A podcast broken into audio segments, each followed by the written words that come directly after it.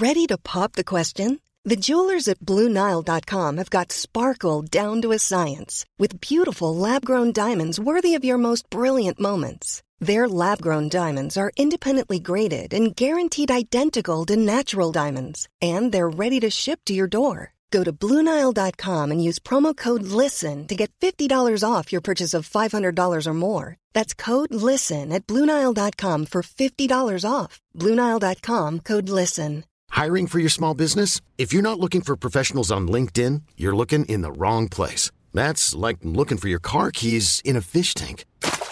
LinkedIn helps you hire professionals you can't find anywhere else, even those who aren't actively searching for a new job but might be open to the perfect role. In a given month, over 70% of LinkedIn users don't even visit other leading job sites. So start looking in the right place. With LinkedIn, you can hire professionals like a professional. Post your free job on linkedin.com slash achieve today.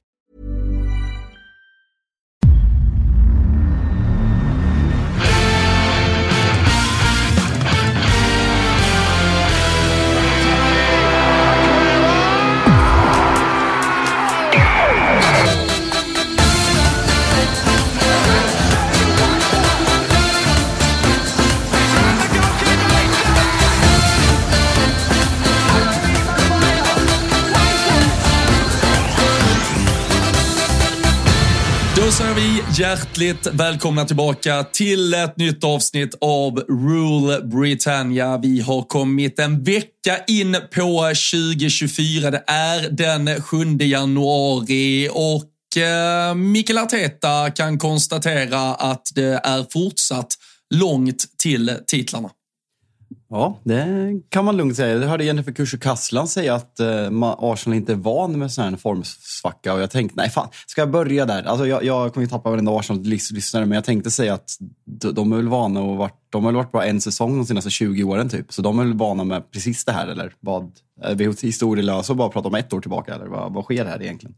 Nej, men jag satt och tänkte på det lite när, eh, liksom, när Luis Diaz eh, tryckte upp 2-0 eh, i nättaket och man därmed kan konstatera att för Arsenals del så, alltså, de har ju varit fantastiska. Alltså, 90 procent av förra säsongen var de helt briljanta. De inledde, de inledde den här hösten fantastiskt, men det blev ingen titel. Det blev inte ens en final förra året. Det här året kommer det inte bli någon final eller titel i någon av de inhemska kupperna. Då är Premier League och Champions League kvar.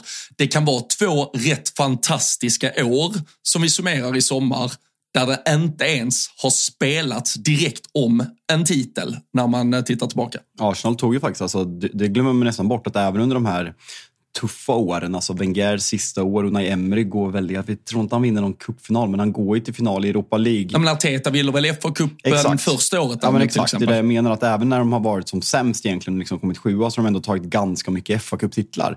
Och det är liksom, som du säger, alltså det, jag, vi ska väl egentligen ha med, det känns liksom, det är svårt att titta och diskutera, kanske oss två, att vi vill ha med Pierre eller någon annan, men det är fan svårt att diskutera vad Arsenal gör just nu, för jag såg det verkligen inte komma. Vi har väl, ja men, att man har bollat upp tanken lite. Hur, hur mycket mental styrka är det? Att man gör de här av till 97 för att avgöra mot Luton. Det är liksom sen avgörande flera gånger om den här säsongen. Är det titelvinnande, mentala, styrkande segrar eller är det ett tecken på att laget inte är helt, eh, men helt bra? Att, liksom, att de bästa spelarna inte är i form och de här sista veckorna över julschemat när liksom det kan ju avgöra titelstrider och det kan framförallt eh, ta bort klubbar från titelstrider och, eh, och eh, titelchanser eh, som i FA-cupen. Så har ju Arsenal visat att det där var ju inte att man, var, att man hade mognat, att man hade lärt sig för att man skulle vinna ligan i år. Det kan man såklart fortfarande göra, även om man inte tror det. Utan det var mer att nej men man var inte lika bra som förra året och det var ett problem att offsiven inte är lika bra. Det tycker jag att vi kan landa i nu, att det liksom inte bara var positivt att man,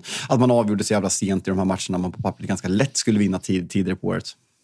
Mm. Nej, jag, jag, jag håller med. Jag tycker det är, det är, lite svårt att se just nu vart, eh, vart Arsenal är på väg. Och jag tycker alltså man kan väl argumentera sannoliken för att det är marginaler emot att det inte står liksom eh, 1-0, 2-0 eller 3-0 efter en, en kvart idag. Men, men lite det du är inne på. Vi kan ju prata marginaler hit och dit och det kan vi göra över en tid nu när vi tittar tillbaka på Arsenals senaste veckor. Och då är det ju liksom, är det bara marginaler? Är det bara tillfälligheter eller är det något större. Och eh, det är kanske inte du och jag som ska svara på det, men jag tycker det är ganska tydligt i den här matchen om det får vara något form av minimalistiskt facit på någonting. Att under andra halvlek så hittar ju Klopp väldigt mycket lösningar på saker och ting som gör att Liverpool blir bättre och vinner mark i den här matchen. Medan jag tycker att Arsenal nästan bara blir sämre och sämre med förändringarna de gör och inte alls prickar rätt i det de gör. Så uh, lite momentum har de ju sannolikt sannoliken tappat. Och om eh, man kan eh, referera till någon form av mojo som eh, Mikael Arteta ändå tycktes ha haft ganska länge så känns det som att det blir lite fler felbeslut just nu än vad vi har sett tidigare från, från honom och där man med all rätta har hyllat honom länge men där det nu, just nu känns som det saknas någonting.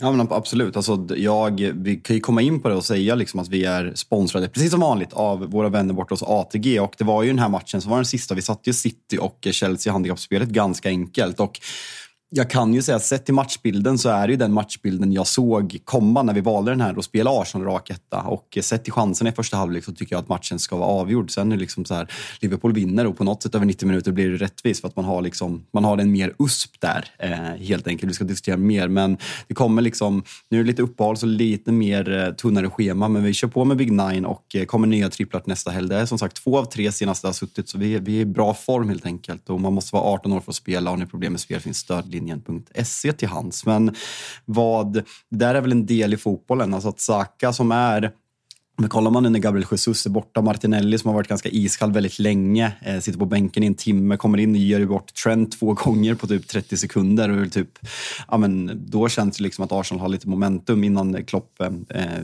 virrar om där och tar in två spelare som jag personligen inte har eh, stenkoll. Du får berätta mer om dem sen. Men det känns ju liksom Kai Havertz, vi har pratat om honom väldigt länge, vi har drivit lite med Pierre nu när han har kommit tillbaka, men är det inte lite med Kai Havertz, nu kanske jag låter som en kappvändare, och jag hoppas folk har förstått att jag har varit väldigt ironisk när jag pratade om att det är Pierre som har snackat skit om honom, att Kai Havertz, när Kai Havertz är 3 plus så vill folk som vill backa och liksom ge spelare tid, de höjer upp och hyllar honom till skyarna när han gör en habil insats, en 3 plus-insats. Liksom en bra match, men inget speciellt.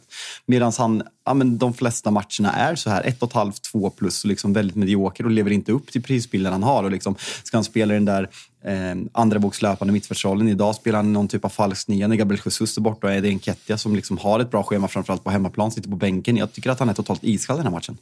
Mm. Nej, men jag, jag, tycker det är ett eh, uh, problem. Det, var ju ett, det är ju en diskussion uh, vi har haft här och uh, utan att liksom ha, ha liknelser i övrigt så har vi ändå, man, man har lyft det hur det pratas om en Bukayo Saka kontra en Mohamed Salah och jag hörde de hade diskussionen i Viaplay-studion också där Jonas Olsson var inne på det här med tar du Martinelli, Jesus och Saka så är det ju, det är tre briljanta fotbollsspelare men det är ju ingen som är kontinuerlig och eh, alltså, garant på leverans. Det är inte någon som ser till att Peter, jag tror, tittar man tillbaka sen första april tror jag i ligaspelet, vad fan har vi där? Är det nio månader, tio, äh, nio månader typ? Alltså då har Bukayo Saka sju mål i ligaspelet tror jag det är, eller åtta mål. Alltså det, det är ju alldeles för lite och idag så, så skapar här. Så han, det händer saker runt honom, men, men det blir ändå inte slutprodukten. Och eh, som sagt, eh, vi behöver inte ha liknelser och eh, ställa dem mot varandra. Liksom, han är ju bra, men liksom, han är, det är ju nästan blivit ja, som att Arsenal men, har Arsenal har liksom satt honom på pedestal så att näst, han nästan ska vara deras Salah, vilket han absolut inte är. Som förra Nej, säsongen ska han vara Salah, ska han vara Haaland? Nej, Då, det är han ju inte. Och där, där är ingen som är det. Där är ingen när det går lite trögt som ändå kommer lämna planen med ett plus ett. Utan alla måste vara ganska bra för att leverera ett plus ett. Och det, det har du inte råd till alltid. Du, du kommer inte alltid vara bra. Ibland måste du bara göra poäng. Men det där Salah, alltså för, Salah förra året, alltså folk pratar om att han var slut efter afrikanska mästerskapen, Liverpool hade en off-season, men ändå är han, alltså vad landar han på? Han är helt otroliga stats, både mål och assist. Jag har dem inte i huvudet, men det är helt sinnessjukt. Och sen så kollar man på ja, men vi pratade inför den här säsongen väldigt mycket att det liksom make or break it, Marcus Rashford. Lite, det låter sjukt när han skriver liksom ett sexårskontrakt, eller om det var fem år, men att han gör den säsongen som var hans överlägset bästa i klubben och han visar under perioder, om vi liksom slutar skämta om att han liksom vann Ballon d'Or i februari, alltså på den nivån som han hade efter VM, januari, februari och, eh, och mars, så är han ju liksom, ja, men han, jag tyckte att han var liksom en av världens fem bästa spelare där. Det var liksom allt han tog i blev guld och liksom, då pratar vi inför den här säsongen. Nu har han fått sitt kontrakt, nu har han liksom bestämt sig att han ska vara i Manchester United troligtvis resten av sin karriär. Nu måste han kliva upp på den här nivån av spelare som Eden Hazard, Mohamed Salah som vi pratade om, om det var förra året eller för två veckor sedan när vi började prata liksom om årets lag. Man behöver inte gå upp på den nivån, men liksom åt, åt det hållet. Han har istället vikt ner sig ännu mer. Och det här visar ju på något sätt hur, hur jävla bra de här spelarna är och vilken respekt man ska ha för ja, men en sån som Salah som verkligen gör det, även när Liverpool är svaga. Och det är där jag känner att nu när Arsenal kollektivt är dåliga, det är ingen som kliver fram. Alltså det är ingen. Eh, alltså jag kan inte se en tendens till någon av... Alltså Ödegård, nej. Saka, nej. Jesus, nej. Martinelli, absolut inte. Och det är det som Arsenal har behövt. Att någon liksom kliver in och bryter det och visar liksom, jag levererar trots att vi är skitdåliga kollektivt och jag får att vi vinner en enkla fula matcher. Det har man inte gjort och därför har man tappat jävligt mycket poäng också. Ja, nej, jag tycker, tittar man då, jag tycker, jag tycker att Ödegård kanske är den som ändå har auran av att försöka få igång laget på det sättet. Som försök. Alltså. Jag hade ja, sett honom för arg. Och, och helt sinnessjukt. Att, alltså jag tror, visserligen var det oftast riktat mot den assisterande, men att domaren inte straffar honom för hur han skäller på Fyra, fem domslut innan sen Harvey Elliott skäller på ett och får en, uh, en skiva. Det, Ska jag prata om Dalot nu eller? Ja, skillnad på folk och folk, vet du. Men uh, nej, för fan. Det, var, en, det var en när det var det, inspark. När liksom, det, han gör exakt. ju som Dalot. Han gör ju liksom tre ja. gester. Skriker, slår i luften, svär, slår i luften igen. Det, är så här, det där blev Dalot utvisad för. Han får inte ens ett kort. Nej, och det var tre minuter senare tror jag som Harvey Elliott får det för att han drar på sig en eh, lite liksom, halvbillig frispark i offensiv plan. Men därför var det lite rättvisa som skrevs när det ändå är Ödegård som drar på sig den frisparken som Trent sen uh, trycker via Kiviors uh, bakhuvud in i mål. Så det, det tyckte jag att Trent han förtjänade. via, det är för fan en nickskar. Han hoppar ju på och nickar in den. Trent ja, det, via. Gå, nu, nu får du lugna ner dig. Går bollen mot mål så ska det väl räknas som mål och inte självmål? Ah, alltså det, det, var väl ett inlägg. Det var en jävla Roberto Carlos-skruv i avslutningen om det där ska gå med mål. Men det, det, är en jättebra hörna, absolut. Han har en bra fot han, han är i bra form. Så vi, vi kan lämna Trent. Men vad, vad känner du med, eh, med matchen om vi liksom går över på Liverpool? Det kändes stundtals, nu vart ju de här två bytena med de här spelarna jag har usel koll på väldigt bra. Liksom Trent som hade ett, kanske ett mentalt underläge där lite, lite kort mot eh, Martinelli när Arsenal började skapa väldigt mycket. Han klev upp på mittfältet och liksom Liverpool fick tag i matchen och kan även avgöra. Sen är det en slump när det blir ett självmål såklart, men vad vad kände du? För jag kände ju på något sätt att Liverpool var så här, alltså det gör typ ingenting om vi torskar. Det var verkligen den känslan jag hade fram till att man gör målet. För då ser man liksom borta sektionen, Klopp och liksom spelarna att de verkligen vill det. Men känslan ganska länge var liksom att Arsenal kan vinna, det gör inte så jävla mycket. Nej, och, och lite så. Alltså det, eh, alltså det, matchen och känslorna växte väl på en själv också lite. Alltså inför, och det, det skrev jag också liksom till, till, till dig och några vänner också inför att fan, så som jag satt på ja, men dag innan julafton i, i ligamatchen vi gick upp med, alltså då, jag kunde inte vara nära folk, jag kunde inte prata med någon, jag behövde stänga in mig i en bubbla och jag liksom var tvungen att fullständigt isolera mig från egentligen verkligheten som var runt omkring en. Medan här idag så var det ju lite mer sätta sig i soffan, luta sig halvt tillbaka och så får vi väl se lite hur det går. Nu, nu kommer ju Liverpool ut med ett lite starkare lag. Det var väl också kanske en av delarna i att uh, du och vi tillsammans tittar åt Arsenal-hållet när vi pratade spelmässigt inför den här matchen. Men, men Liverpool kommer med ett ganska starkt lag och då känner man väl att vi ändå ska stå upp och vi ska verkligen göra match av det. Och vi ville väl vinna. Vi ville väl absolut inte få ett kryss framförallt för då ska man ju peta in det där omspelet om typ tio dagar.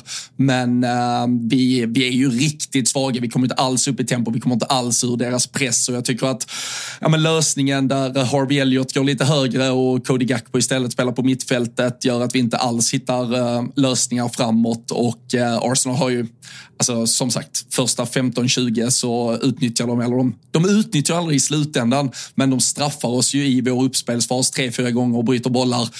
Ramsdale har ju den otroliga bollen fram till Nelson efter två minuter också och ett par lägen till. Så det, där kommer vi undan med blotta förskräckelsen och, och där känner vi väl att kan vi, då, alltså, kan vi grinda det in i pausvila så är det klart att vi ändå känner därefter att börja göra lite förändringar, ha lite fräscha ben som ska in, så ska vi väl ge det en chans att försöka vinna. Men eh, det var ett Liverpool som, som inte visade tendenser till att de var assugna på att vinna inledningsvis, uh, även om det liksom på pappret var ett starkare lag som ställdes ut än vad jag trodde.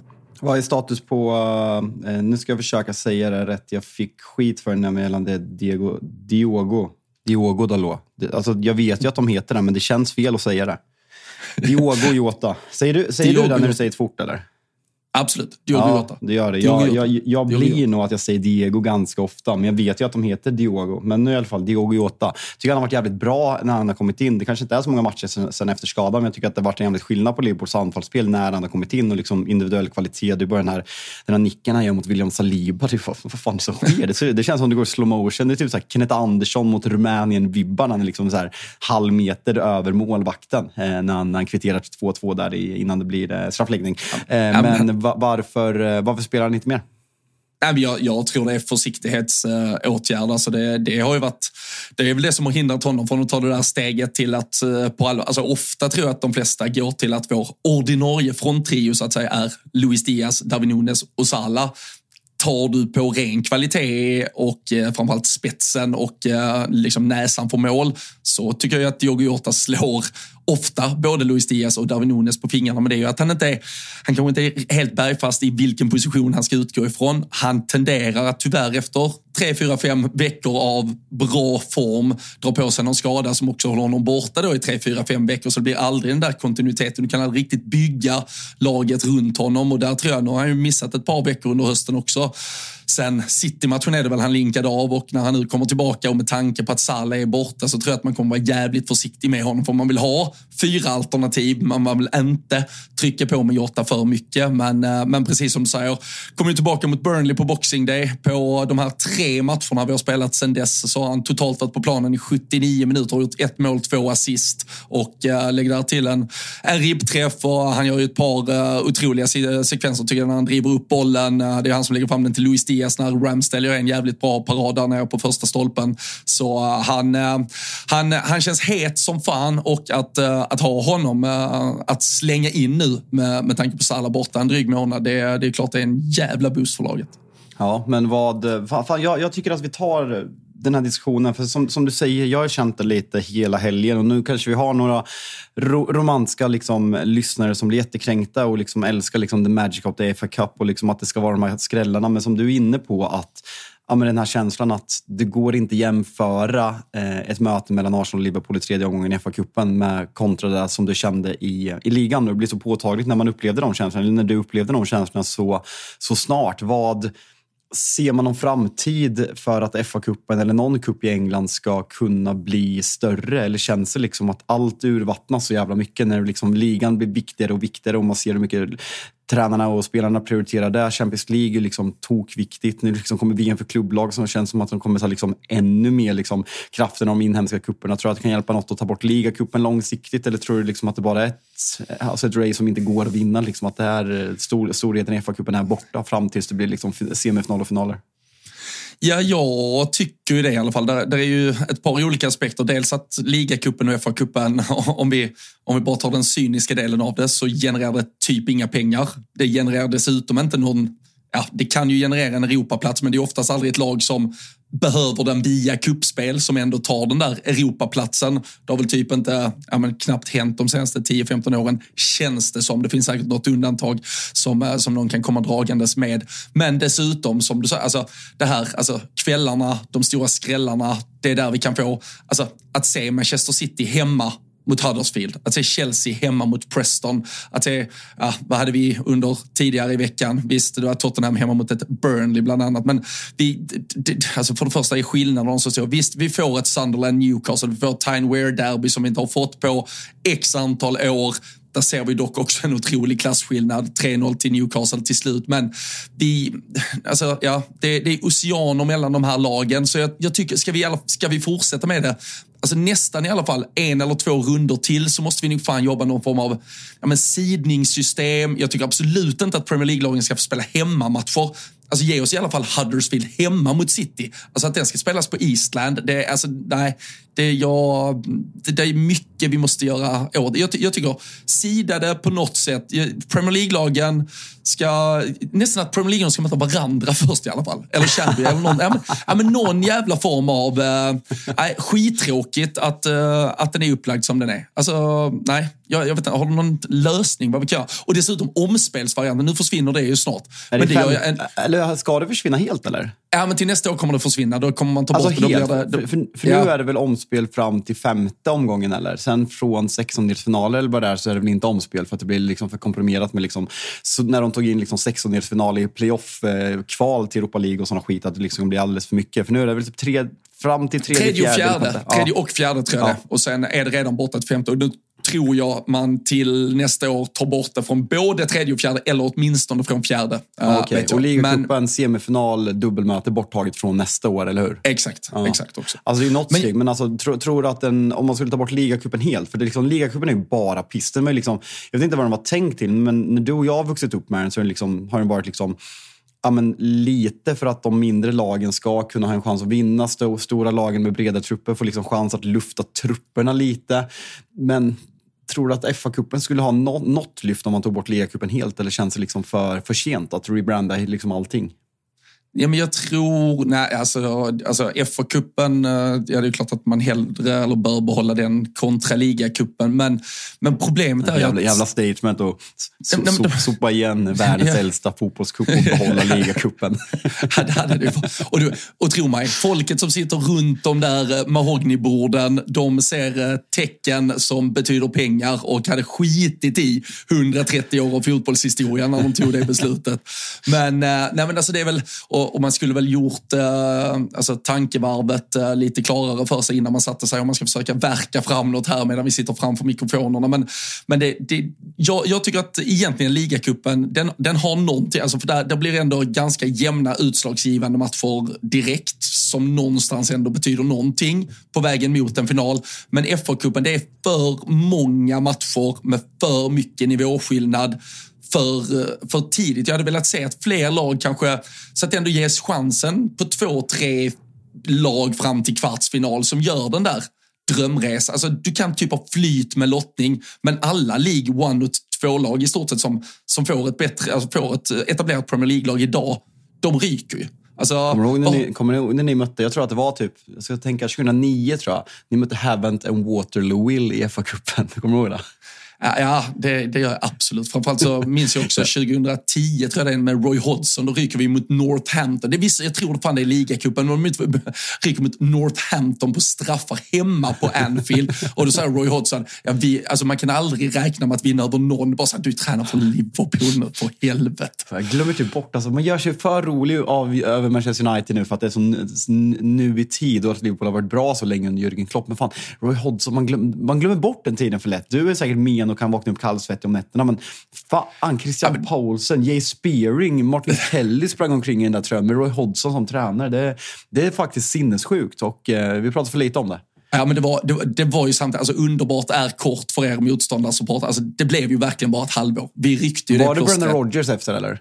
Nej, sen är det ju uh, Dalglish går först in och räddar Ah, eh, ett halvår och ja, sen får just. han ju eh, jobbet ett ja. år också. Och sen kommer, sen kommer Rodgers. Ja, för fan. Han gav oss uh, 3-1-segern med, med Köjts hattrick i alla fall, Dalglish. Men tog, men tog Hodgson över efter Rafa? efter Benitez, ja, ja, alltså, Ah. ett, ett år efter att Benitez nästan då hade vunnit ligatiteln. Då, Ganska de, få tränare alltså. Liverpool, ja. Ja, Absolut. alltså det har ju blivit det. Alltså det kändes ju liksom, alltså när man satt och hade Ferguson, liksom, att man var stolt över att man bara hade samma hela tiden. Men kollar man på Liverpool de senaste 25 åren så är det ändå ganska få om man jämför med andra klubbar. Ja, alltså Benitez, när klev han på 2004? Så det är väl Fyra, fem, ja, så det är fem tränare de senaste 20 åren. Det är, väl, ja, nej, det är väl mindre än många andra i toppfotboll. Det är väl vad Chelsea avverkar på en, en kvart, 20 minuter. Verkligen. Alltså, alltså som sagt, det känns... Det är klart att det är liksom Villa har slagit Middlesbrough. Vi kan prata lite, lite Men känslor i, i, fred, i, i lördags 13.30 uppe i nordöstra England kan vi väl prata om. Ehm, fint att se. Alltså det small lite. Det kändes lite så här, ja, men det var hat mellan supporterna. Det var, ja, men det var tillbaka till lite brittisk fotboll på riktigt. Och som Gary Lineker skrev, It's more enjoyable to watch football without war finally. Du kan inte säga without war. Det låter lite War. Without war. Vi vill inte ha war. Men alltså, mindre var, mer war. Det är vad vi vill ha. Det är vad vi kräver. Men äh, hängde du med i äh, det, det, totala jävla äh, snedsteget äh, Sunderland äh, gick på inför matchen här? När de ja, mål, målade om ja, bortasektionen. alltså, ja, men då, alltså, ja, Newcastle, som, som de flesta kanske ändå har koll på i, i fa Cup-sammanhang, så får man ju väldigt mycket biljettilldelning på, på bortasektionerna. Det, det är ju de största bortasektionerna vi, vi får uppleva ofta under de här uh, veckorna med FA-cupen. Och uh, när då Newcastle ska komma till, uh, heter de fortfarande Stadium of Light? Känns så i alla fall. Ja, jag, tror, jag, tror det. Hoppas verkligen det. det. Så um, tycker ju då Sunderland som uh, de inbjudande värdar de är att, ja men vad fan, kommer Newcastle hit kan vi väl uh, pynta om. Vi målar om hela den här sektionen och sätter upp lite Hawaii the Lads och uh, liksom black and white och, och allt möjligt. Och, och där, alltså, den här manegen krattar man till sin mest alltså, svurna rival. Alltså där, där blod liksom har droppat genom generationer. Och eh, nej, äh, det är äh, så sinnessjukt. Jag vet, alltså, på tal om äh, liksom, ja, rum där dåliga beslut tas. Hur fan gick det här till när det gick igenom? Nej, alltså det där, det där är faktiskt helt otroligt. Alltså det, är som att liksom United skulle inreda bortasession mot Liverpool för att Liverpool har varit i, nere allé, i... Allé, liksom, allé, the mighty Reds, champions of Europe på Old Trafford. Six times. alltså, Let's är... talk about six baby. Fy fan. Nej, det, det, är så sinnessjukt och det där är verkligen, alltså det där är liksom klassiskt genuint jävla hat. Det där är så här, Liverpool, eller så här Leeds. Alltså Leeds är liksom den klubben som hatar mest och som är mest hatad av alla. Det är liksom inte rivalitet, ingen respekt, det är bara hat. Här är också, det, det är hat.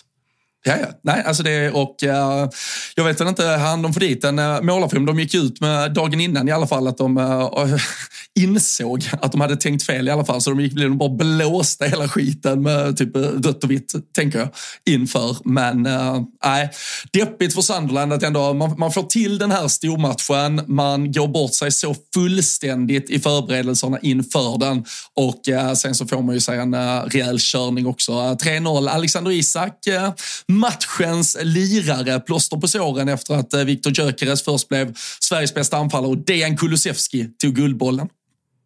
Ja, eh, verkligen är det eh, fint för honom. Nu kommer väl en bra period och sen en formsvacka igen så, så, går vi, så går vi om där helt enkelt. Men eh, det, var, det var kul att se de här lagen mötas i alla fall. Och mm. eh, enda jag reagerar på, jag tycker att det är lika konstigt varje gång när de här lagen möts, att de får spela i vitrandiga båda två. Det, Nej, det, det, det är jobbigt.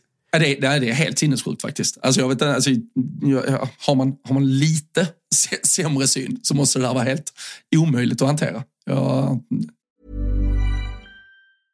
Ready to pop the question? The jewelers at BlueNile.com have got sparkle down to a science with beautiful lab-grown diamonds worthy of your most brilliant moments. Their lab-grown diamonds are independently graded and guaranteed identical to natural diamonds, and they're ready to ship to your door. Go to Bluenile.com and use promo code LISTEN to get $50 off your purchase of $500 or more. That's code LISTEN at Bluenile.com for $50 off. Bluenile.com code LISTEN. Ever catch yourself eating the same flavorless dinner three days in a row?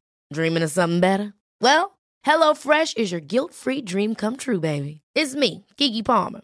Let's wake up those taste buds with hot, juicy pecan crusted chicken or garlic butter shrimp scampi. Mm. Hello Fresh. Stop dreaming of all the delicious possibilities and dig in at HelloFresh.com. Let's get this dinner party started.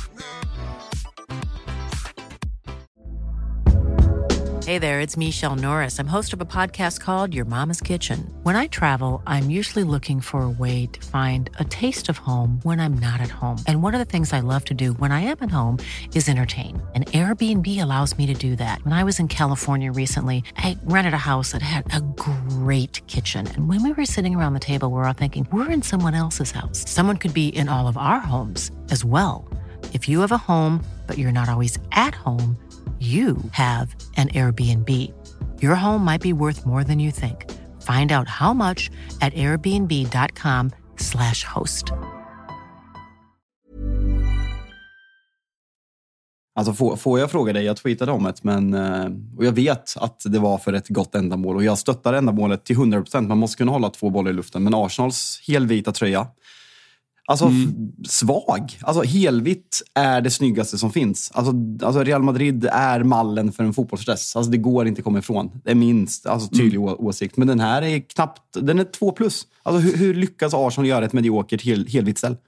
Nej, och, och det där är väl då problemet. Är det för att uh, de försöker främja ändamålet så pass mycket att de pushar det vita lite för långt? För den, den ser ju, den ser liksom den ser felkonstruerad ut på något Alltså den, den är vit ja. där det inte ska vara vitt. Det ska ju vara lite mer linjer. Det måste vara några konturer som, som, lyfter, som lyfter fram det vita så att säga på ett annat sätt. Mm. Nu blev den ju bara, den blir för helvit uh, helt enkelt. Sen om ja. någon missat det så är det ju då mot, uh, det är väl det gängrelaterade våldet. Uh, alltså det ska vara slut på blodet som droppar på gatorna typ i, i London. Så man, man kör den här kampanjen. har väl gjort det tror jag de senaste två, tre åren och spelat i helvete i alla fall just ja. i den här fa Cup-rundan tror jag man har gjort det de tidigare åren också. Ja, okay. ja, nej, jag vet att man har gjort det tidigare och som sagt det är ett jättebra initiativ av Arsenal och liksom en, en kampanj som man inte hör så mycket om. Det är ett jättestort problem i London så det är jättefint. Men eh, som sagt, jag, jag fick inte ihop det med tröjan. Eh, vad är det ni brukar köra? Ni har väl en jävla seeing is believing-tema någon gång per år? Eller vad, vad är det för något? Ja, men det, det, brukar vara alltså Standard Chartered som, som har uh, platsen på, på bröstet brukar väl en gång om året ge, ge över den. Och nu för, eh, brukar man ta sista matchen tror jag. Nu, nu har man gått över till att ta något, ta något stormöte. Jag tror vi har haft dem mot City ett par gånger, men det är väl att typ via deras. Kan väl tänka mig att de har 10 000 olika charities och eh, liksom eh, olika eh, men, organisationer de typ supportar. Då, då upplåter de. Seeing is believing körde de ju ett par, det var ju jävligt, John Joe vi körde ju den där jävla glasögonmålgesten också när vi, när vi hade det på tröjan. Liksom. Otroligt magstarkt på något sätt. Men ehm, nej, brukar, brukar upplåta upp, äh, liksom, tröjplatsen till någon form av äh, välgörenhetsorganisation äh, via då, äh, Standard Charter. Så tjänar de lite cred. Har jag sjungit Johnny och Shelby-låten för dig någon gång eller? Nej, jag tror inte. Det var, det var ju så här, någon, någon tweet, nu ska jag alltså ta ton och sjunga här i Rule Britannia, det jag ber om ursäkt på förhand, men det var någon som skrev typ så här, name me the best, uh, the best lyrics. och liksom, det, sångerna finns inte, men ni ska komma på en fotbollsramsa som hade varit kul. Skriver någon. Hey, I just met you and this is crazy, but where's your hair gone? John Joe Shelby. Ja, det, är, det, är två, det, det är två plus, tyvärr. Otrolig. Otrolig. Ja. Nej, för fan. Eh, så att han var tydligen involverad i någonting. Nu tar vi sidospår, men uh, Nottingham Forest utreds ju faktiskt också för lite sådana här eh, ekonomiska um, oegentligheter. Oh, fan, de har en grek som ägare. Ja, men då, de är tydligen John Joe mm. Förtal. ja, exakt. Förlåt alla greker som inte har skit på er. ja, men, uh, nej, men John Joe Shelby då tydligen att uh, istället för att de, de påstod att det var någon uh, utlåning, men det var tydligen något brutet kontrakt och några pengar som hade smusslats på något sätt. Så kan vi cirkelsluta uh, John Joe Shelby. Vad gör, vad gör han idag? Ingen aning faktiskt. Alltså, jag hoppas... När han får rött kort när han lackar på Ferguson när han går ut på Anfield, eller? Ja, fy fan alltså. Men alltså, det är bra, som det brann i den skallen. Alltså. Det var inte en skalle gjord för att spela fotboll egentligen. Nej. Fy fan, vill du veta var han är någonstans? Kan eh, du gissa? Alltså, eh, alltså, jag gissar på Egypten. Nej, eh, Turkiet faktiskt. Men i ett ja. lag jag aldrig någonsin har uh, hört talas om. Eh, ja. Kaykur Rizespor. Ja. Eh, ligger på femte plats i, uh, i ligan. Uh, ja. Jag skulle ta en poddresa och hälsa på John Joe. Alltså, inte dumt. De vann med, vann med 5-1 här innan uh, juluppehållet. Det är ju stökig tid i den turkiska fotbollen också. Det är inte många matcher som spelas just nu. Så, man får tag i såna här. Jag vet Marcus Tapper som är med och gör Tutto-svenskan hade ju alltså, han hade väl någon uh, Kolla svensken-podd när de pratade om svenska. Och då, på något sätt så kom de i kontakt med Emanuel Frimpong som eh, var i eh, AFC, kanske mest känd för Arsenal. Eh, inte många som presterar någon som den tidigare AFC Eskilstuna-spelaren, men han skulle ju ha typ 30 lax för en 10 minuters intervju på Skype.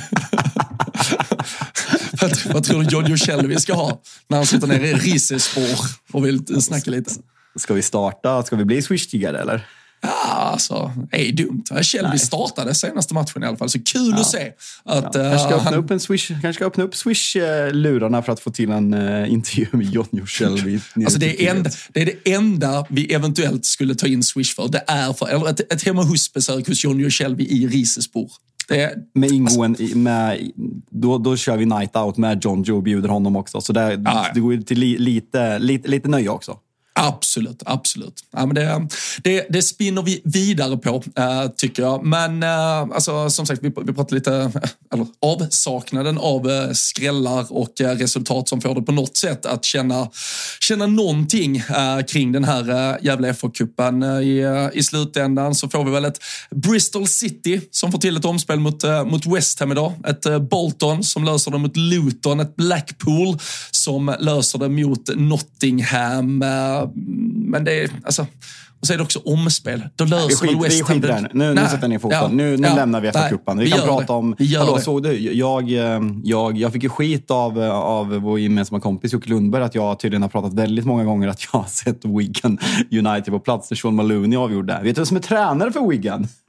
Sean Maloney, Jajamensan. Jajamensan. Otroligt. otroligt. Ja, fin cirkelslutning. DW ja. Stadium heter den fortfarande, ser jag också när jag går in och kollar matchen imorgon. Ja, men jag, jag, jag dubbelkollade det också, för jag, jag var inne på den här Totally Wicked eh, Stadium ja, som eh, jag, jag svävade ut på lite. Men det, det är St. Helens eh, rugbylaget som ligger, det ligger alltså väldigt nära Wigan. Så det är en arena som geografiskt ligger väldigt nära Wigan, som heter Totally Wicked. Så jag har blandat ihop dem bara av deras ja, men, geografiska läge helt enkelt. Och inte för att Wigan spelar fotboll där. Men uh, så, så är det. Ett bättre namn. Det är synd att det inte är Wigan som spelar bra. Nej, nej, verkligen. Vad, uh, vad tror du om uh, morgondagens match? Supersnabbt då. Gör ni jobbet? Alltså det borde vi väl göra. Alltså Lisandro Martinez och eh, Casemiro Mason Mount ska vara tillbaka i full träning. Eh, så liksom kan vi inte slå ett mittenlag i League One, då är det bara att lägga ner. Eh, i mitten skrev en artikel i The Athletic igår där han säger liksom hela omklädningsrummet har inte vänt sig mot, eh, eller halva omklädningsrummet har vänt sig mot Erik Ten Hag som många rapporterade, men enligt hans kontakter som liksom, han skriver inte så om det inte är sant, så är det många som, eh, nej, men som inte tror på hans sätt, att de tränar för hårt. Han tror inte att han är tillräckligt, att han är rätt man för att motivera spelarna och sådana saker. Så det börjar liksom kurra mer och mer och Jim Ratcliffe har varit på besök. Så, um, ja, men positiva tongångar i Manchester United. Det känns ändå bra att se en ägare som säger rätt saker, även om det såklart är poserande och populistiskt och det ser väl lätt när man jämför med med Glazer som aldrig varit på plats. Men ändå något positivt att ta med sig in i det nya året. Så det, det, det är väl det vi tar med oss. Ja, man såg, eh, man såg att folk börjar gripa, eller det, det grips ju efter uh, halmstrån när, när man var liksom så här, någon bild då på, på Ratcliffe eh, på, jag vet inte om det var på plats på Carrington, antar att det var det i alla fall, men där man liksom så här, nu har vi en ägare som är mer på plats än vad Glazers någonsin alltså så här, Han är där och får typ en rundtur, alltså vad kommer det förändra ja. i det fotbollsmässiga när ni ska åka och spela nästa match? Men, uh, men visst, det Nej. är väl alltid något. Men just de här kommentarerna också, att man, det verkar som att han, liksom, han har ju dels köpt av Glazers för 25 procent och sportlig kontroll. Han har gått med på att liksom investera 300 miljoner pund för liksom infrastruktur, eh, träningsanläggning och eh, arena. Men vad som sägs liksom är att han, han har inte köpt det för att gå plus på det. Han, vill liksom det, han är från Manchester, han är eh, kanske tvåa nu. Eh, ja, topp tre, eh, England, Storbritanniens rikaste män. Han är liksom upp mot åren, så han är såklart en businessman, så man ska inte vara naiv. Men det känns liksom som att det, jag ska inte säga hobby, men han ser det mer som något att han vill ta tillbaka klubben som han äger och liksom är intresserad av fotboll snarare än att han ska göra extremt mycket plus på den här affären. Så det är väl något positivt om man får vara naiv. Mm. Ni är lite, lite så här uh, sillisor, egentligen inget superspännande. Det pratas både kontraktsförlängningar på Van Bissaka och uh, Vigge, va? Att ni mm. utnyttjar lite optioner medan man kanske redan i januari, som jag tolkar det, kikar på att kanske låta Varann gå istället. Annars går väl kontraktet ut i sommar. Mm. Ja, men har man möjlighet så tror jag man kommer sälja varann. Eh, har man möjlighet så tror jag, man får ett bud på Casemiro tror jag att man kommer sälja honom. Eh, Anthony Martial likaså. Och det här tycker jag är väldigt positivt för jag tror att tidigare hade Manchester United förlängt varans eh, kontrakt men nu ser man liksom, han tjänar alldeles för mycket pengar. Det är en lönestruktur som vi måste förändra och vi kan inte bara förlänga honom för att liksom försvara värde för i slutändan så kommer han sitta kvar på sitt kontrakt och lämna som bossman och vi har betalat han den där lönen ett år till så istället släpper vi honom ett år tidigare. Victor Nilsson Lindelöf är ändå en bättre ålder. Van Bissaka finns ett försäljningsvärde det går lite rykten, inga liksom seriösa källor, men Uniteds intresse för Olise, att man då ska använda Fambisaka i en bytesaffär. Sen bytesaffär, hur ofta sker det? Det är mer liksom romantiserande FM och Fifa-snack. FC24 förresten, förlåt eh, EA, mina, mina bröder. Eh, men eh, det så, Vigge och Fambisaka köper jag även om jag vill att båda försvinner eh, från laget, om jag ska vara helt ärlig, för jag tycker inte mm. att de är tillräckligt bra. Vigge kanske som femte mittback, men där har vi liksom min broder eh, John Evans, eh, Premier Leagues eh, tredje bästa mittback. Eh, så nej, men, det, det, det, känns som att man är medveten om var, var, var, problemen ligger och vart de har legat och att man tar rätt steg här. Så det är något positivt igen. Fan vad positiv jag är! Ja, men det är bra. Jadon Sancho ja. ser väl Ten Hag ut att vinna den striden kring också. Lån tillbaka till Dortmund och ni behåller någon form av lönepost på typ halva delen, minst ja, i alla fall. Sen det tror jag vi skulle få cash för också, så jag vet inte hur mycket det är om det går jämnt ut. Men liksom, jag, jag vet inte, det är liksom för avskrivningar. Jag kan tänka mig att får man in någon pengar så kanske det är lättare att liksom fixa böckerna mot FFP. Jag, jag har faktiskt ingen koll, vi får se när det blir klart, men det är positivt. Sen får vi se liksom om Erik Ten Hag är kvar i United när Sancho kommer tillbaka, om han kan få en revival, en chans under en ny tränare. Eh, det är väl det som är tanken, men känslan är att han kan inte sänka sitt marknadsvärde markant i alla fall, så det är bara det är en win-win. Gör han det bra så, och Erik Ten Hag är kvar så kan vi liksom sälja honom och få tillbaka en eh, bra mycket bättre summa än vad vi skulle få just nu. Fan, Dortmund eh, tog ju sig till slut vidare från den där eh, Champions League, eller till slut och till slut. De, eh, de gjorde ju framförallt ett dubbelmöte där mot Newcastle som, som säkrade sig. De var klara inför sista, om, sista omgången. Ja, ja, men precis. Det var ju det var just bara kampen om första och andra platsen i stort sett. Men alltså att se Jadon Sancho, vad, vad tror vi han har i? Alltså, nu har man ju inte sett han spela fotboll på så jävla länge. Men alltså, det, det är klart att bor en jävla fotbollsspelare i honom. Det måste ju ändå, som Uniteds var, om man eventuellt får se honom flyga fram på europeiska topparenor under våren och visa vad han går för. Då, eh, det kommer ju inte vara bra. Alltså, det blir nästan ännu sämre för Ten Hag. Hur mycket han än kan säga att det sätter prestige i att man ska bete sig på sätt till höger och vänster. Det, nästan så att det hade varit skönare för honom att bara behålla honom i en frysbox och sen dumpa honom någonstans än att han eventuellt ska visa upp vad han går för. Det, det, man, man, eh, det vi har ifrågasatt många gånger typ så här, när Jack Grealish alltså, håller för öronen och ska tysta kritiker och så liknande om Jadon Sancho gör liksom två plus två i sin Bundesliga-debut, då, då är det fan någon som förtjänar en liten hyschning som är riktad till Erik Ten Hag, är inte det? Ja, alltså den bästa sån är ju annars uh, Harry Maguire när han typ nickar in 1-0 mot Malta i något VM med kval. Man bara, tu, tu, tu, vad säger ni nu? Va, liksom. Så, nej, fy fan. John alltså, Guidetti är väl eh, den svenska hyscharen nummer ett också, om det skulle behövas någon. Jag kommer ihåg att Kosovare Asllani gjorde det någon gång i något mästerskap när hon var ganska färsk. Men hon, så här, hon, hon, hon hyschade med typ fingret typ så här, fem centimeter framför munnen. Bara så, här, så där hyschar man inte. på tal om Kosovare Asllani, Tutto 5 på tisdag. Jajebux! Den, ja, får vi göra lite smygreklam för. Tycker jag verkligen. Vi, vi mullrar igång igen. Mig sen? Ja, absolut. Ja, men det, ja. det är klart du ska, du, du ska ha det också. Det, det löser vi.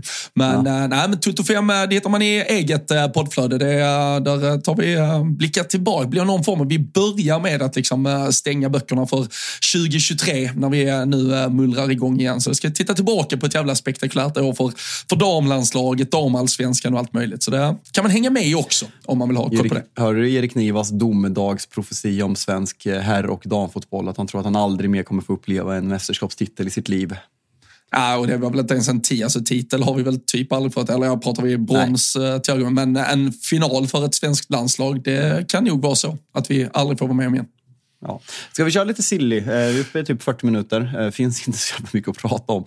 Men lite silly. Timo Werner verkar av allt att döma bli klar för Tottenham. Den är väl here we go av Romano. Kommer in på lån. Vad, vad tänker du där? Jag tyckte alltid att han var Sen är det väl lite återigen där Kai Havertz-syndromet att när eh, Timo Werner var 3 plus så hyllade honom för att man har låga förväntningar. Men jag tyckte ofta att Chelsea var ett bättre lag när Timo Werner spelade. För han gör sina medspelare väldigt mycket bättre och eh, drar på sig väldigt mycket. Men lik Darwin så missar han ju för mycket och det är liksom det är ju väldigt avgörande. Men eh, vad, vad är, är frysbox i Leipzig? Har du koll på det eller? Ja, nej, men det har varit uh, total frysbox. Så det, det, här handlar ju lika mycket för, alltså, li, lika mycket som absolut Tottenham säkert vill fylla på med offensiva alternativ och uh, lite akut med tanke på att Son är borta en, eh, en månad också. Men att, uh, att få in fler alternativ så är det lika mycket för uh, Werner att få speltid, att få göra någonting inför ett hemma-EM för att slå sig in i en tysk trupp. Så han har varit helt, helt out i Leipzig. Men jag håller ju med dig, jag skulle precis gå till liknelsen Darwin Nunes innan du, du nämnde det själv. Så jag tycker också att det blev lite alltså, meme-vänligt typ på Timo Werner till slut. För han var antingen en uh, ja, decimeter offside eller så satt han bolljäveln i ribban. Men det hände ju fan saker runt honom hela tiden. Han drog ju isär otroligt många försvar han är ju trots allt i ett, eller en del av det Chelsea-laget som går hela vägen och vinner Champions League. Och sen kan man ju tycka och tänka kring hur mycket roll han har i det. Men eh, det, det, är klart att där är en jävla fotbollsspelare och jag tror i en,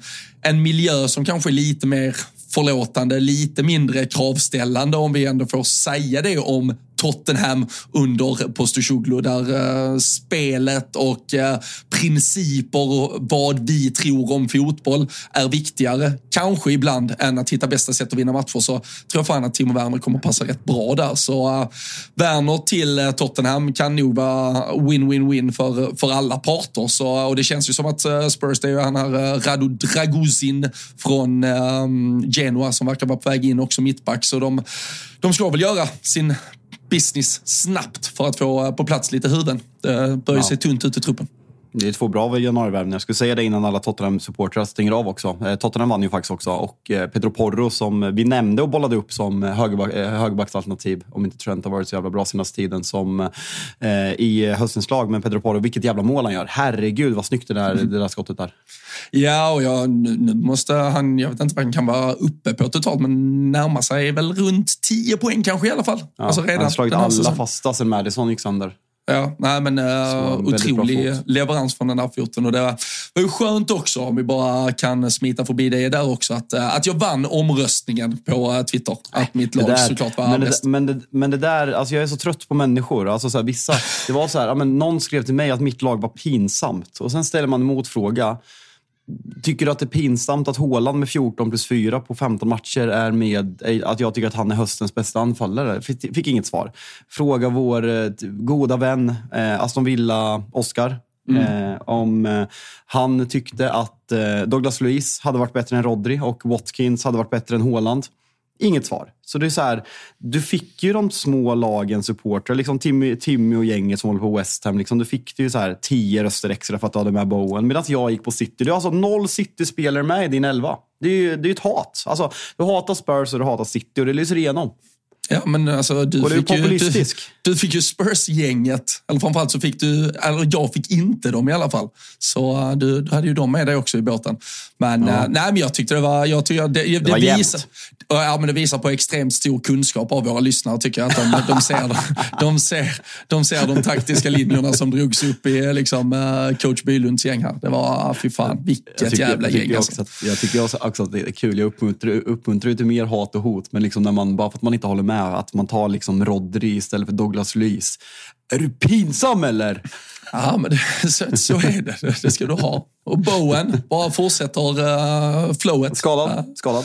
Ja, och så fan Paketa uh, klev av också. Så dyrköpt, eller dyrköpt får jag det var ju inte ens uh, dyrköpt för de fick fan inget med sig. 1-1 mot Bristol och eventuella skador på dem. Det, ja, då hatar man FA-cupen ifall man heter David Moyes. Verkligen. Vet du vad jag sitter och kollar på nu, på tal om något helt annat? En resa till Thailand eftersom det är svinkallt i Sverige. Nej, alltså det överväger jag. Så har jag någon som vill åka med mig till Thailand så slida min DM så är jag öppen. Men eh, jag sitter och kollar på Cleveland Cavaliers mot San Antonio Spurs i NBA. Eh, Wemby, storkung faktiskt. Låter deppigt. Ja, det är deppigt. Men jag pratar med ja. dig så det är trevligt. Eh. Men eh, Silly, alltså, det, det, känns som att det liksom, vi ligger och väntar på att det ska explodera. Vad, vad känner du om vi liksom tar ett större grepp på januarivärvningar överlag? Alltså, vissa är ju så att det är bara lag som har panik som agerar i januari och liksom priserna blir högre och många lag vill vänta till sommaren. Vad, vad känner du spontant för om vi bara tar Liverpool i år samt historiskt? Nej, men alltså, tittar, tittar man på Liverpool eh, de senaste åren så, så är det ju jävligt svårt att, um, att följa med på det som kanske normalt sett typ är narrativet. Att du, du får inte riktigt de bästa spelarna, du betalar ofta överpris och... Uh, Fan, har inte är det... Ja, men vi, jo, det är det jag menar. Alltså, Luis, Diaz. Nah, jo, Luis Diaz också. Men, och Gakpo, ja. uh, Gakpo senast, Luis Diaz innan dess, van Dijk för fem år sedan, fem, sex år sedan. Uh, Philippe Coutinho och Sturridge kommer 2013 och går rakt in och sen uh, excellerar. Men framförallt också Luis Suarez uh, som var en del då av, det är väl både vår bästa och vår sämsta, men det är ju han och Andy Carroll som ersätter Torres. när, Vilket plus på den. När, ja, alltså, men så, som alltså, de här, här pratar vi ju då fyra, fem, alltså Filip Coutinho med tanke på vad han genererade i slutändan och så lägger du på van Dijk och Suarez så är det kanske är det Liverpools tre bästa värvningar alla kategorier de senaste 15 åren. Och de har gjorts i januarifönstret. Ja, Momo också, måste nämnas här. Ja, men det, ja såklart. Men alltså ja. tre av de absolut ja, bästa. Och det, det, har gjorts absolut. i januari, så det, det, är klart som fan man kan göra business i januari. Uh, men man ska ju inte göra det Däremot i läge där du måste göra det på grund av skador. Vi hade ju också en situation för två, tre år sedan när vi hade alla mittbackar skadade och då ska du ut och köpa en mittback när hela världen vet om din desperation. Då är det ju svårt att handla. Alltså då kan det till och med vara svårt att handla under sommaren. Men i januari blir det ju så extremt tydligt att du måste fylla exakt den här luckan och då kan ju motståndare eller ja, säljande klubb kan ju sätta vilken jävla prislapp som helst på det. Ja, nej men, nej men verkligen. Alltså United hade ju väldigt fin där med, man tar ju Patrice Bra och eh, Nemanja Vidic sommaren, eller vintern, eh, januari 05. Eh, 06 och de, är det till och med. Eh, det är, det är 05, så de spelar säsongen... Nej, de, nej det är 05-06. Så de spelar säsongen... De spelar eh, våren, eh, våren 06, det stämmer, mm. och är ganska mediokra där, framförallt Patrice Evra. Och sen visar det sig, liksom, sen går United och vinner tre raka titlar. Eh, och liksom resten är ju, som, som det så vackert heter, historia. Och båda två är liksom att snudda på om man ska ta upp... Alltså ingen är väl med när de flesta ska ta ut eh, Uniteds bästa lag genom tiderna. Många har Rio Ferdinand före när man, när man är Vidic och många har, eller de flesta har eh, eh Dennis Irving som vänsterback. Men mm. det är mm. liksom två all time greats i Uniteds historia som, som tas in på en väldigt eh, billig peng och som ingen hade någon speciellt bra koll på. Även om eh, Patrice Evra hade spelat eh, Champions League-final med Monaco. När man Vidic kom väl från, är det eh, Röda Stjärnan? Ja, Sparta han var i Röda Stjärnan innan. Men Bojan mm. Djordjic har man hört några gånger va? det, de har gjort, jag, jag var tvungen att kolla upp det. Det var, det var januari 2006 och de, ja, de, kostade, de, de kostade totalt 12,5 eh, miljoner pund. Det är mm. Båda två tillsammans. Alltså det är helt mm. Ni plockar ju faktiskt Bruno Fernandes också i januari ja, 2020. Mm. Han gör ju, uh. det, det, är en typ en succé poängmässigt och liksom hur, man, hur en spelare kan ta över ett lag. Och det är så, Alltså, jag skulle kunna ha den här diskussionen med så jävla länge och jag vet inte vart jag landar med Bruno Fernandes för han är typ en av de mest speciella fotbollsspelarna i hela världen. Så jag har svårt att få grepp på honom. Men eh, hans poängskörd som han kommer in liksom och liksom tar Premier League med storm är få förunnat. Och jag har liksom sett två spelare som är så fantastiskt bra och dominerar och är bäst i sitt lag direkt när man kommer i januari. Så det var verkligen något man ja, men i, en, i en tid som har varit jävligt negativ så är Bruno Fernandes första tid i Manchester United ett väldigt fint minne man har med sig. Mm. Ja, men det, ja, men alltså, verkligen. Och det är ju, han hinner väl bara vara där, för han kom väl i slutet av januari, så han hinner väl vara där typ en månad innan eh, pandemin bryter ut och sen, eh, sen kommer eh, spelet spelet igång där. Och det hela den uppskjutna våren och sommaren, där jag, han gjorde ju mål på, på allting egentligen. Alltså, han var ju extremt bra. Och sen, eh, sen är det väl är det säsongen efter han gör typ 15 mål på straff känns det som i alla fall. Han, ja, exakt. rullar väl in var, varenda jävla bomb. Jag, jag tog upp en liten lista, vi kan, kan bara kika lite på det här. Du, du har ju nämnt många av era januarivärvningar. Jag nämnde några av våra. Om vi tittar på ett Chelsea till exempel. De plockade in både en Nemanja Matic, eh, kom till dem i januari. Branislav Ivanovic, eh, på tal om spelare som man väl ändå får klassificera som någon form av all time greats när man eh, summerar. Verkligen. Och, Bortglömd. Ja, men verkar och alltså, underskatta. Alltså, så här, ja. alltså, är han inte typ sinnebilden för underskattad Premier League-spelare? Alltså, jo, det var var han, han, var ju så omodern i en tid som, nu var väl han liksom mellan Gary Nevilles era och Trent Alexander-Arnolds era, men att han var högerback och var så extremt omodern. Han är mittback egentligen. Han är ju Eh, så därför, men fan vad bra han var under Fast lång tid. fan ändå, alltså hela varvet runt när Pep Guardiola nu är tillbaka och spelar mittbackar som ytterbackar. Ja. Alltså, alltså, Ivanovic var ju startskottet på hela den här grejen. Jag har ju sett honom göra mål på Anfield också. Stort ögonblick. Ja, jag har sett honom bli biten på Anfield kan jag säga. Av Luis Suarez.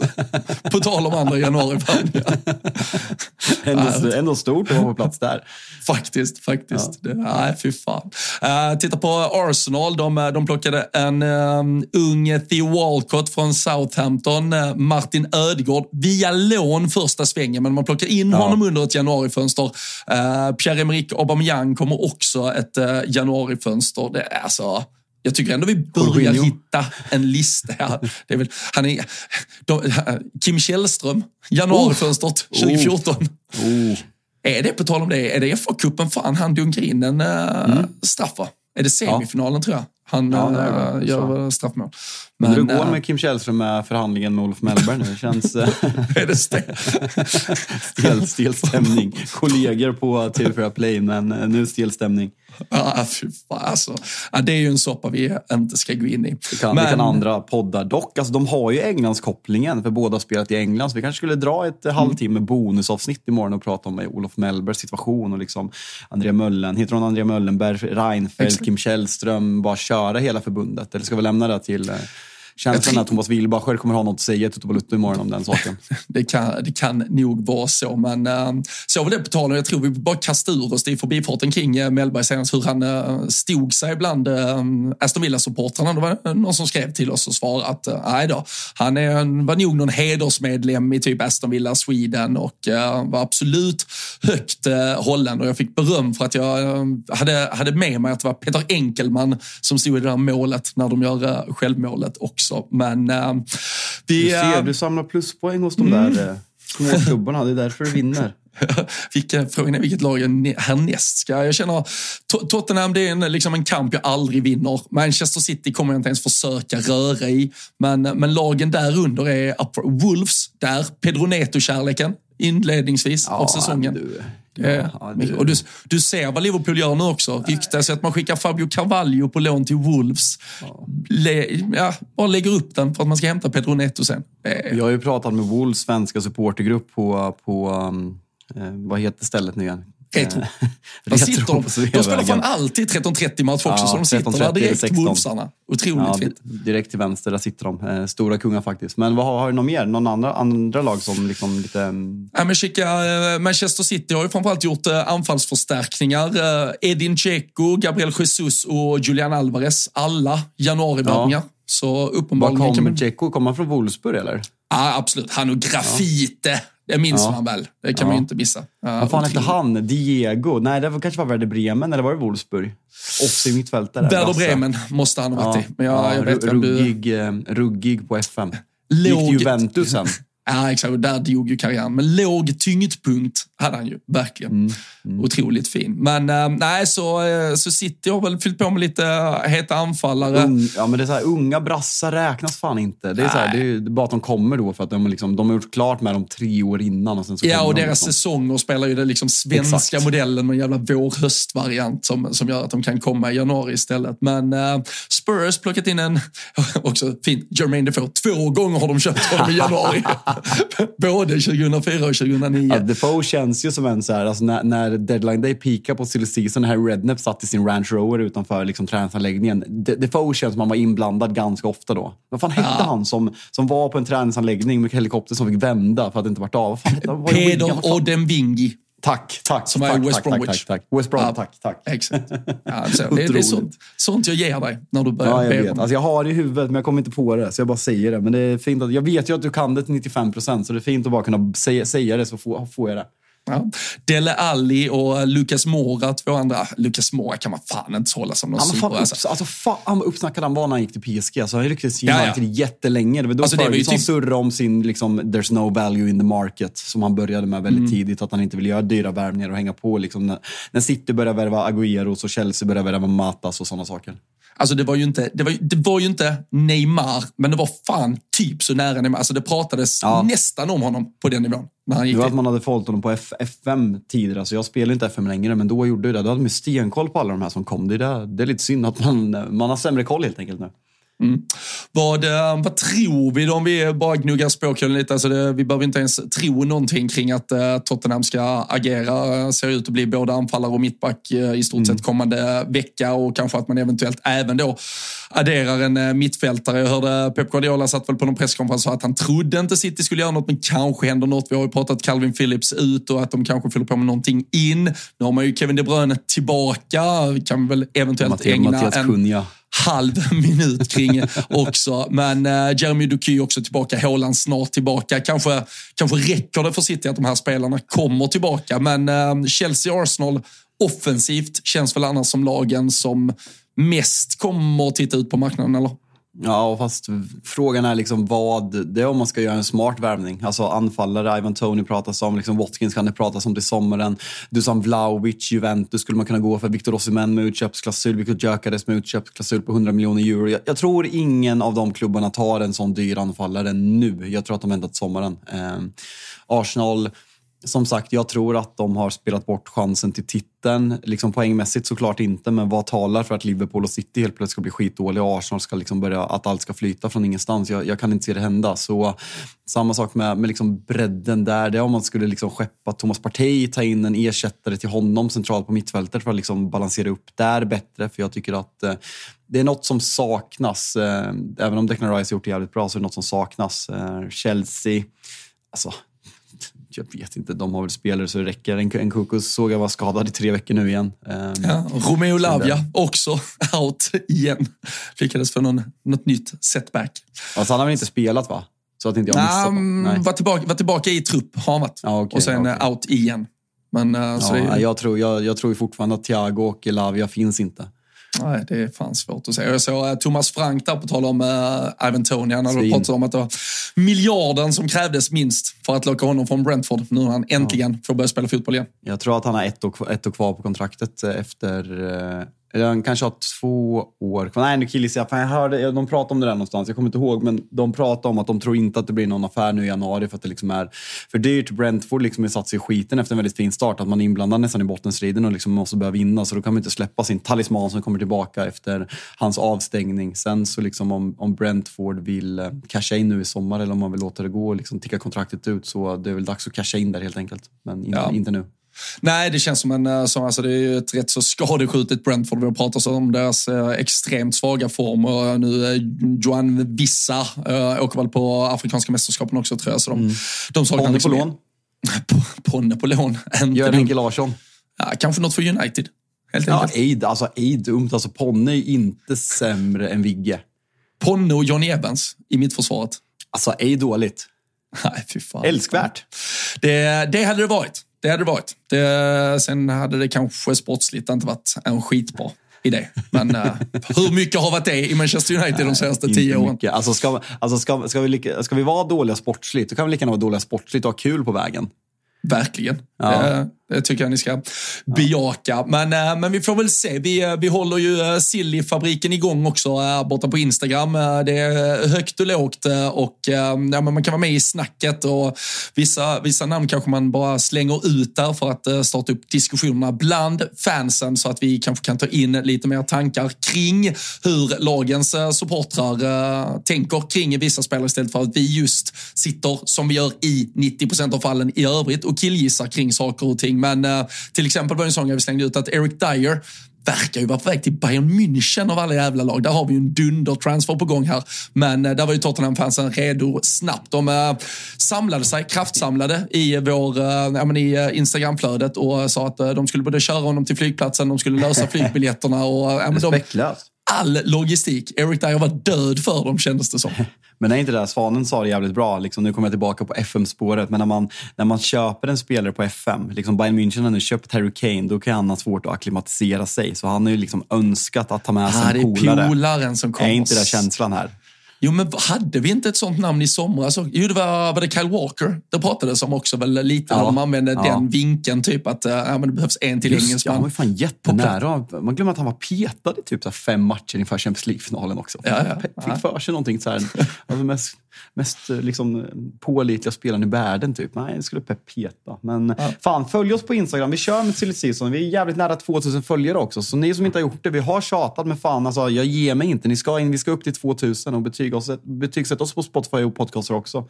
Söker en möjligheten att göra ett bra program och liksom pumpa ut mycket avsnitt som vi har gjort i jul medan många andra tar paus så kan vi pumpa ut. Så ge oss bra betyg så, så är det lättare att fortsätta med det vi gör helt enkelt. Mm. Ja, men verkligen. Jag kan uh, tänka mig, det är väl många som, om man, uh, har man inte redan varit tillbaka på, uh, på, på jobb och sådär uh, förra veckan så är det väl dags att kliva in i verkligheten nu här. Och är det någonting man har missat av att kanske ja, men jul, nyårsfirande, stök hit och dit, resande och allt möjligt så finns det ju som sagt, fan vad tror jag vi tryckte ut sex avsnitt på tio dagar under jul, mellandagarna, nyårshelgerna där. Så behöver man ta igen något kring den engelska fotbollen så finns det i vårat flöde. Det är bara Det är att framförallt, frossa förlåt att jag avbryter, men det är, det är, framförallt eh, höstens lagavsnittet som jag skulle vilja rekommendera. Många av de andra sakerna blir ju lite, ja, men lite att man pratar om det som hände den veckan och det är liksom, det är inte så jävla aktuellt att sitta och lyssna på mig och prata om Uniteds seger mot Aston Villa på, på Boxing Day. Det fattar jag också, men just höstens lagavsnittet var, var jävligt kul och eh, fick bra reaktion på det. Så det, det rekommenderar jag verkligen om ni har missat det, att ni går in och lyssnar.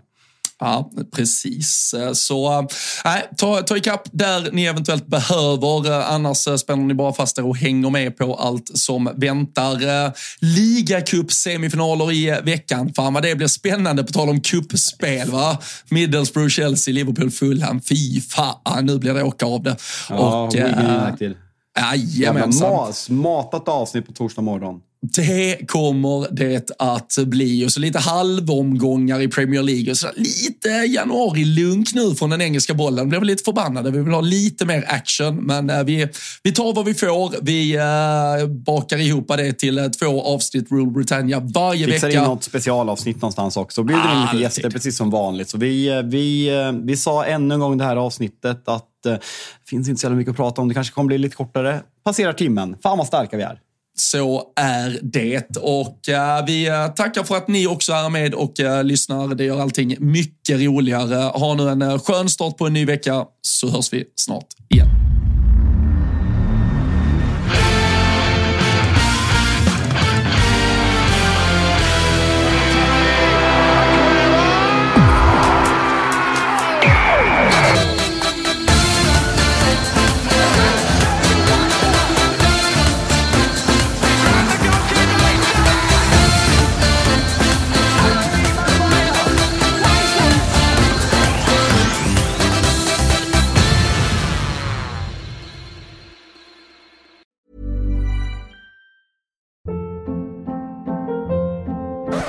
Hold up. What was that? Boring. No flavor. That was as bad as those leftovers you ate all week. Kiki Palmer here, and it's time to say hello to something fresh and guilt-free. Hello Fresh. Jazz up dinner with pecan-crusted chicken or garlic butter shrimp scampi. Now that's music to my mouth. Hello Fresh. Let's get this dinner party started. Discover all the delicious possibilities at hellofresh.com.